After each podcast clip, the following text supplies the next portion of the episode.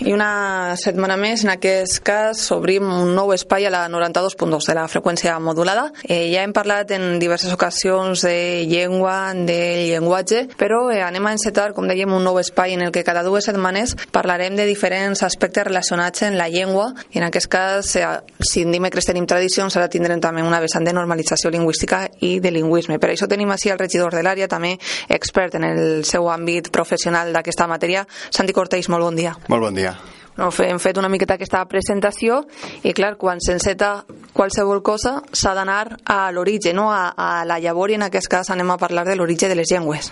Sí, és un tema mm, molt estudiat, eh, ha donat peu a moltíssimes teories, molt diverses, molt curioses i clar, com, com bé has dit, eh, quan s'enceta una cosa hem d'anar als inicis, a com comença.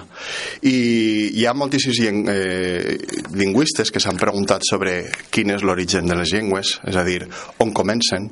Per exemple, una de les més curioses és la del lingüista Chomsky, eh, que, que encara viu, és molt major però encara viu, i ell, per exemple, diu que les llengües simplement van aparèixer espontàniament, és a dir, com una mena de mutació genètica, en un moment donat apareix la capacitat eh, humana de parlar. Eh?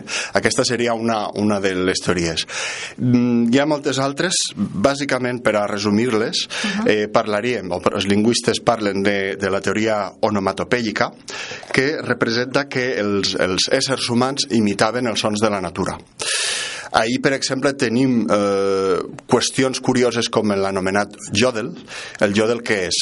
No sé si heu vist alguna vegada Heidi, és aquell cant del Tirol, dels Alpes, eh, curiós que era molt gutural, eh, i això s'anomena jodel.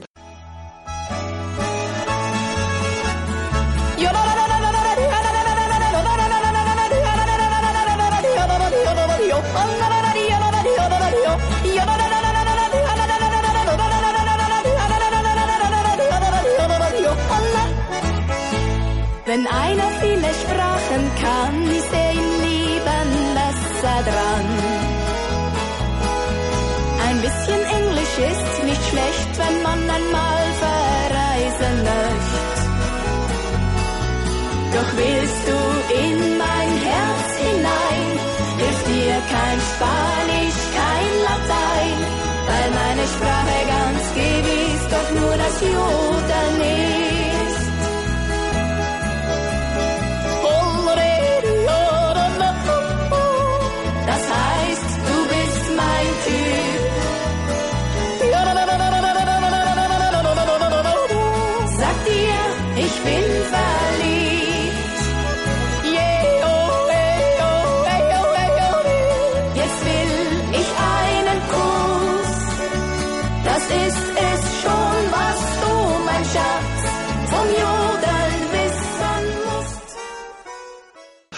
això pot ser, si sentiu eh, certs animals, era, diguem-ne, un, un signe que, que estaven imitant la natura i, per tant, antiquíssim.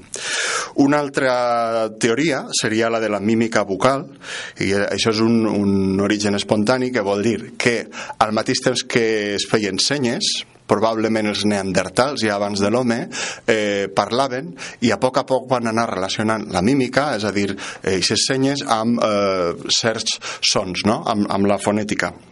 Després hi ha la teoria de l'elaboració conceptual, és a dir, que premeditadament els homes van dir anem a dir que la taula eh, és taula i, i es dirà així.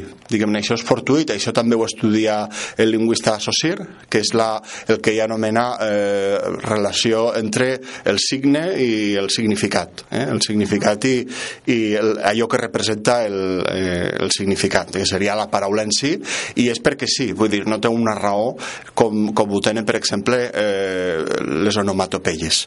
Però hi ha una cosa curiosa que afegiria, és que la, les onomatopeies eh, d'alguna manera també varien d'idioma a idioma. Eh? Per exemple, en valencià diem meu, en castellà diem miau, eh? per tant, no acaben de coincidir. Hi ha eh, una altra que és la de les expressions afectives, és a dir, que eh, nosaltres quan tenim por o quan tenim alegria o quan tenim qualsevol cosa d'aquestes, d'una manera eh, natural l'expressem, però per raons genètiques, és a dir, no ve no ve après, sinó que ve predeterminat per, la, per els nostres gens. Personalment, perquè, clar, però això ja és opinió personal, crec que, o pense, que en realitat hi hauria una barreja d'aquestes quatre. Vull dir, però aquesta és la meva opció i hi ha lingüistes que pensen el contrari, simplement ho dic. Després hi ha eh, una, una última que m'agradaria també esmentar que seria l'origen teològic. Que l'origen teològic què és? Doncs tots heu sentit parlar del mite de Babel, en el que sembla ser que hi havia una única llengua, un patge lingüístic, i en un moment donat els homes fan una torre, Déu s'enfada i aleshores diu que confundís les llengües. D'alguna manera, mitològicament, crec que és molt bonic, eh, però, clar, científicament no ens dona moltes explicacions. L'oposat és la Pentecosta, uh -huh. i la Pentecosta és quan eh, tots comencen novament, miraculosament, a eh, entendre's, no?, allà als inicis de, del cristianisme. Uh -huh. O sigui que aquests són els orígens, no? Eh, cadascú ja, com ha comentat, es pot quedar amb una, però, eh, clar, això ha evolucionat, s'ha anat ampliant i avui dia no sé quantes hi haurà al món, però hi ha una gran diversitat de, de llengües.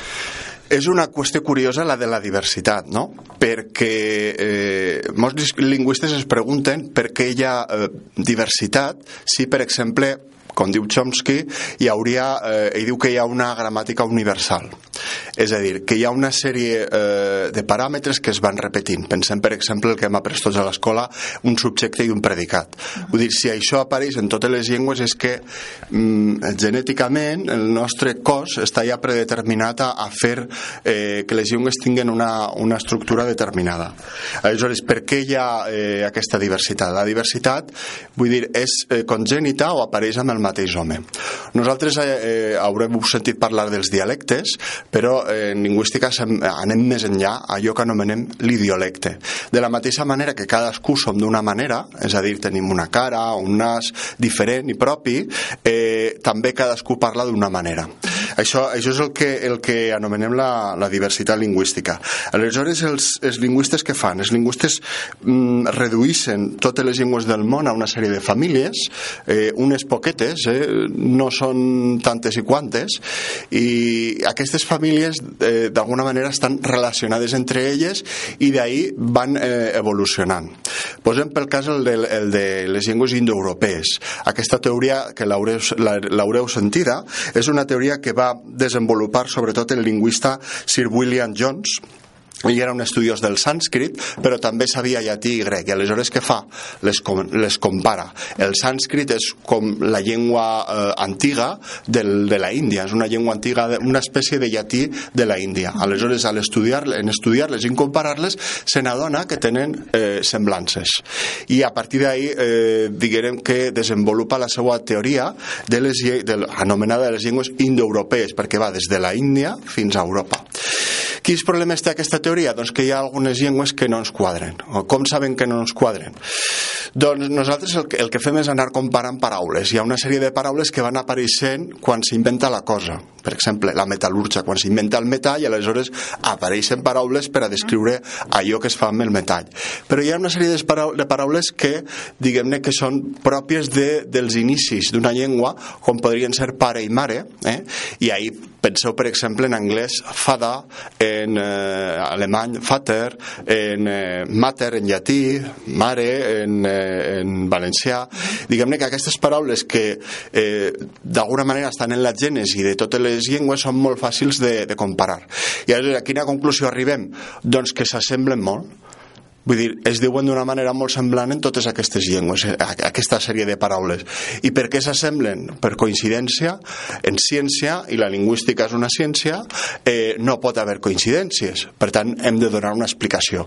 Una explicació que donem és la de les llengües indoeuropees. Uh -huh. Però mm, això no acull a totes les llengües. Per exemple, el basc, haureu sentit, que és una llengua diferent i que no podem quadrar en aquesta sistematització. Com tampoc podem enquadrar eh, les llengües caucàsiques com podrien ser el georgià o el finès o, o algunes altres llengües. Per què apareixen aquestes llengües ahí? Uh -huh. Això és el que, el que el, anomenem l'origen espontani. El japonès també és una família en si, és una família i una llengua, tampoc la podem eh, relacionar amb, amb cap altra. O, eh, més a prop, el guanche i l'iber sembla que eh, són de la mateixa família, la família anomenada camítica que seria una família com és la família de les llengües eh, llatines.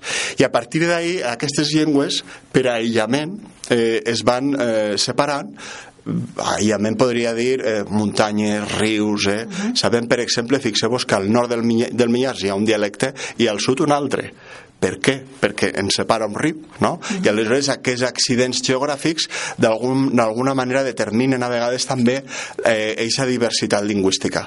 Per tant, eh, és, és la natura també la que determina, com determina també eh, que les espècies apareguen, no? Sabem que hi ha, al nord hi ha gent, eh, més gent amb el, el color ros de cabell i al sud un color més fosc, no? I amb les llengües passaria eh, el mateix. Així que eh, realment ha comentat, és una ciència, però una ciència que encara deixaria molt marge per a, per a la investigació i per a descobrir tot i que és molt complex, no? seria quasi impossible eh, esbrinar realment l'origen i la evolució no? de, de cadascuna d'elles. Seria difícil, però tenim, com tot en, en, en ciència, tenim indicis. Eh? Uh -huh. eh, M'havia deixat dir també que dins de, dins de l'evolució de, de les llengües hi ha, diguem-ne, dos vessants. Una seria la monogènesi i una altra la poligènesi, poligènesi perdó, que vol dir que la monogènesi és que va haver un Babel, realment, científicament. Va haver una llengua a partir de la qual van eixir les altres. I la poligènesi és que van aparèixer moltes llengües simultàniament. Eh, també ahir n'hi ha, diguem-ne, dos, eh, dos opcions científiques. Jo, personalment, eh, optaria més per la poligènesi. Eh, per què optaria per la poligènesi? Perquè entenc, eh, com he parlat, per exemple, del, del Jodel, eh, que eh, és una cosa innata. Eh, allò que imitem, eh, imitem la natura, per exemple, parlem dels pardalets, no? Els pardalets, no, no sé si ho sabeu, però no tots canten igual. Eh, ells també eh, canten una miqueta per imitació, per això existeixen eh, educadors de cant de canaris, per exemple, no? perquè ells poden modificar una miqueta el seu, el seu cant.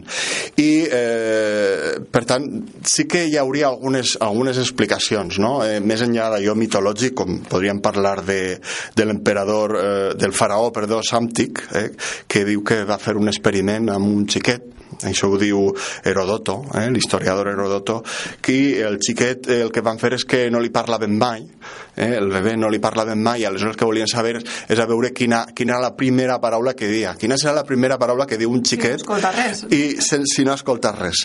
Diu, això és una miqueta llegenda, que la primera paraula que va dir va ser becos, i aleshores, diguem-ne que entenien que eh, aquesta seria la paraula rizomal, eh, és a dir, la paraula mare de les paraules, i becos eh, curiosament, en una llengua que per cert és de la família eh, indoeuropea, que és el frigi, vol dir pa vol dir pa.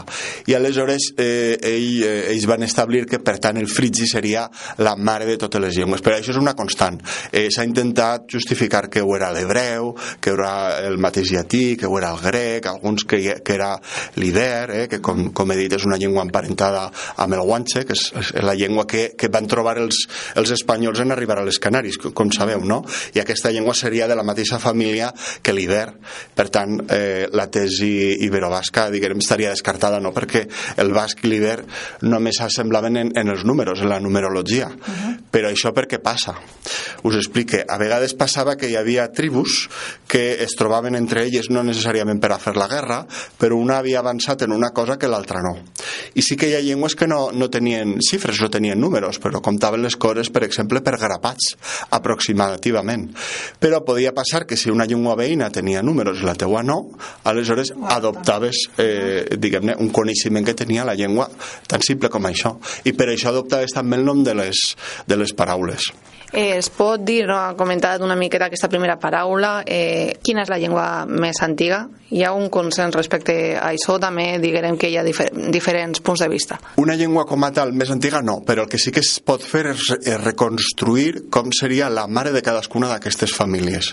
I si anem a les llengües asiàtiques, també com seria eh, la llengua més antiga. Com es pot reconstruir? Bàsicament fent una estadística, és a dir, quins fonemes es van repetint més en cada paraula i aleshores aleshores juntant-los podem entendre, això és una miqueta complex d'explicar, de, no? Per exemple, si la paraula eh, mare, eh, mater, eh, muta, eh, muter escrit, eh, moda, repetís molt la paraula E, estem quasi segurs que la, que la paraula, la lletra E, estem quasi segurs que la lletra E estaria ahí present. Eh, Quan parlem d'antiguitat dels idiomes, eh, també parlem de llengües primitives. Anem a veure. Una llengua primitiva no seria una llengua eh, de troclodites, no? que eh, diuen sons guturals i que no acaben de saber ben bé què, què estan expressant, sinó que eh, seria una llengua, diguem-ne, que, que és més antiga que l'altra, però que perfectament es pot utilitzar, per exemple, per a la ciència. Parlem, per exemple, del basc. Eh? El basc eh, fonèticament és més simple que no altres llengües com les llengües llatines. Això s'ha transmès, per exemple, al castellà, per això en el castellà hi ha fonemes, hi ha, hi, té una fonètica diferent de la del valencià. Pensem, per exemple, la reducció de la B labiodental i la B bilabial, és a dir, la B i la V. Eh, per què hi ha una reducció? Doncs per influència de l'euskera. I sí que sabem que l'euskera molt probablement eh, ha tingut una influència sobre el castellà perquè aquesta composició fonètica és pròpia del castellà i no ho és, per exemple, de les llengües veïnes, uh -huh. que serien el portuguès i, i el valencià. Per tant, sí que sabem que quan, a, quan anem més enrere en el temps hi ha una simplificació fonètica, és a dir, que, que la fonètica eh, tendeix a ser més simple eh, o, o més reduïda i que la complexitat, diguem-ne, va augmentant a mesura que la llengua eh, va ser més moderna. Eh? Però això també, com dic, és, és només una teoria que podria, podria vindre, podria, podria per, perfilar-se moltíssim. I una qüestió que igual és molt bàsica, però no l'hem comentat, la diferència entre llengua i llenguatge, no? perquè moltes vegades igual són termes que sent diferents es confonen. Sí, el llenguatge seria l'estudi eh, de la, com, a, com a ciència de eh, la llengua. La llengua és allò que parlem, un idioma, i el llenguatge seria l'estudi de com ho parlem. Hi ha alguns científics que parlen de la dificultat d'explicar la llengua de, des de la llengua. Això, diguem-ne que és un cercle, eh, és el que anomenem metalingüística. Eh, la metalingüística és una funció del llenguatge per explicar-se a si mateix. Però clar, hi ha, hi ha filòsofs i lingüistes que diuen que, clar, això mm, planteja una dificultat, perquè com pots explicar una cosa des de la mateixa cosa? O sigui, si tu amb el llenguatge expliques el llenguatge, d'alguna manera estàs molt limitat, perquè la teua pròpia frontera és allò que vols explicar. No sé si m'explique, però... vull dir... Eh, Queda complex, però sí. Eh, eh, D'alguna manera és com si eh, una taula volguera explicar que és una taula vull dir, és, és molt, seria molt difícil, és, és contradictori uh -huh. no? perquè el llenguatge hauria de ser explicat en principi des d'alguna cosa forània al propi llenguatge per a que eh, tinguérem una, una certa objectivitat per tant, això diguem-ne ens, ens limitaria en, en quant a quant a, a l'explicació de, de què és llengua. Sí que, bueno, és un aspecte, no? És complicat perquè, clar, com vas a explicar algo, no? Si lo que empres és la llengua, clar, és complicat, clar. no? Buscar una alternativa per explicar la llengua que no siga la, la mateixa llengua. Hi ha també estudis molt curiosos que eh, desvinculen a vegades també el so, és a dir, allò que pronunciem, de la mateixa llengua parlem de dos termes d'origen grec que serien la xenoglòssia i la glossolàlia. La xenoglòssia és simplement allò que havíem dit abans eh, mitològic de Pentecostes, que és que algú parle una nova llengua miraculosament, és a dir, sense haver-la estudiat, que no siga la llengua materna o les llengües maternes, eh, que podríem tindre més d'una llengua materna o una llengua materna i paterna, seria una altra, una altra qüestió. La glossolàlia és el que fan eh, sobretot certs místics, especialment especialment algunes rames del cristianisme, que és eh, dir sons sense sentit, mm, d'acord? En principi sense sentit en uns estats, mm, diguem-ne, de, de profunditat o, o mm, com una mena d'èxtasi, no? que, que eh, diríem paraules eh, si, simplement perquè sí.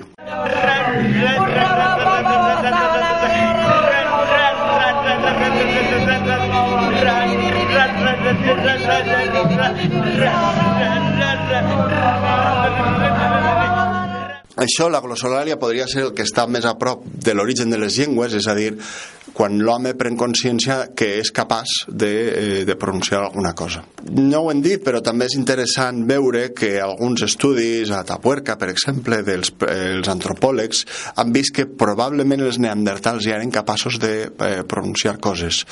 I, per tant, és possible que la llengua fora més antiga eh, que l'home. No, només és possible, ho estic suggerint, no ho estic afirmant. Vull dir, però seria molt possible. Eh? I dins d'aquest debat de, de l'origen de les llengües. Per cert, és un debat que, eh, de fet, al mateix segle XIX, la Societat Lingüística de París, on s'emmarquen alguns dels lingüistes que, que he esmentat, va prohibir, és a dir, va prohibir que es parlara més, més d'aquest tema, de l'origen de les llengües, perquè les teories arribaven a ser tan contradictòries que pensaven que estaven perdent el temps, que, que no arribarien a cap, a cap conclusió. Ara bé, això és al segle XIX, al segle XX i XXI diguem, tenim nous, nous indicis i noves eh, ferramentes per a poder arribar a, eh, a, a noves conclusions, a, a noves, i, i també a nous, a nous plantejaments, a noves hipòtesis. I sí que veiem que l'origen de les llengües és un món molt complex, que encara queda molt per, per descobrir, i no sabem si queda alguna coseta més per, per explicar en aquest primer programa dedicat a, a la llengua i al llenguatge. Sí, eh, d'alguna manera eh, la llengua i el llenguatge estan vinculats amb allò que fem cada dia. Vull dir, penseu un, en un dia que eh, ens alcem i no ens comuniquem.